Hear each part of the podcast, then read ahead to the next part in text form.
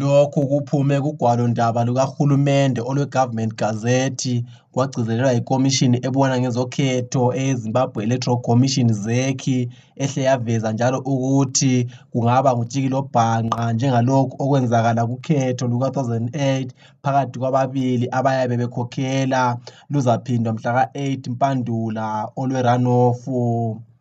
Umgcini sihlalo wekomishini ebona ngezokhetho eyeZimbabwe Electoral Commission ZEC unkosikazi Priscilla Shigumba uthe ukuhlelwa kwelanga lokhetho sokusitsho ukuthi abantu beZimbabwe sokumele baqaphele imibiko esemthethweni ezakwethulwa yibo ngokuthi ukhetho luzaqhutshwa ngayiphi indlela hatshi ukulalela amahungahunga. The Zimbabwe Electoral Commission hereby notifies the general public izimbabwe electoral commission ithanda ukwazisa uzulu ukuthi umhlonitshwa umongameli emasonda mzomnangagwa usephalule ngokusemthethweni waka-section 144 ukuthi umvulo mhla ka-13 ntulikazi ilanga lokhetho lwelizwe lezimbabwe elokukhetha umongameli abameli bedale lephalamende labamakhansili izekhi yazise njalo ukuthi abantu abalesifiso sokuncintisa ezikhundleni ezithi esikamongameli welizwe ezokuba ngamalunga edale lephalamende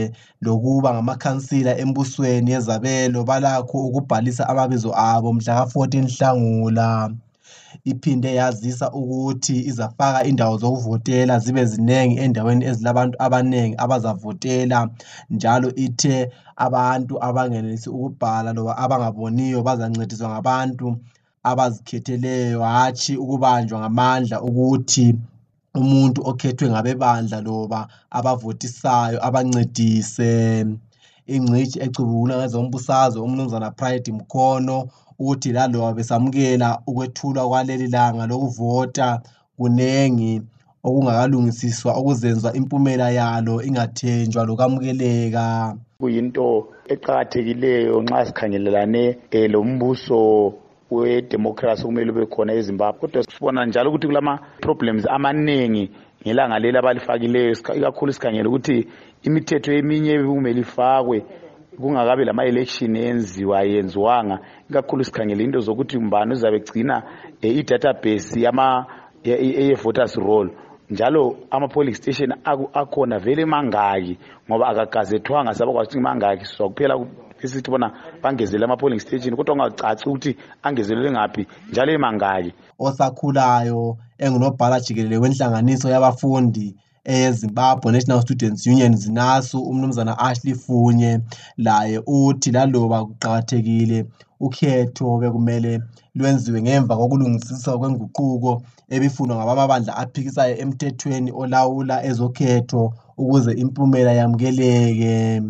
Kulemibuzo eminengi mayelana ngokhetho lolo luzayo ngoba kulama-reforms esiwakhangelele ukuthi ayenziwe in the next 60 days ngoba sifuna a-free and fair elections sifuna abantu bakwanise ukuzikhethela abazabakhokhela so sikhangelele ukuthi sibe lama-answers to ama-questions okuthi the diasporan vote siyabona kathesi i-constitutional court iyalile ukuthi ama-diasporan vote but abantu labana baphuma elizweni bayibangela ukuthi i-economy yethu engafunctioni kuhle. Njalo they, they contribute a lot to economy yethu and the FSA isikhulumeli sebandla lezapho umnumzana iphithule maphosa uthe bekuvele kubuya lokhu njalo sokuyisikhathi sokuthi izizalwane zezimbabwe zitshengisele ukuthula ngesikhathi lesi.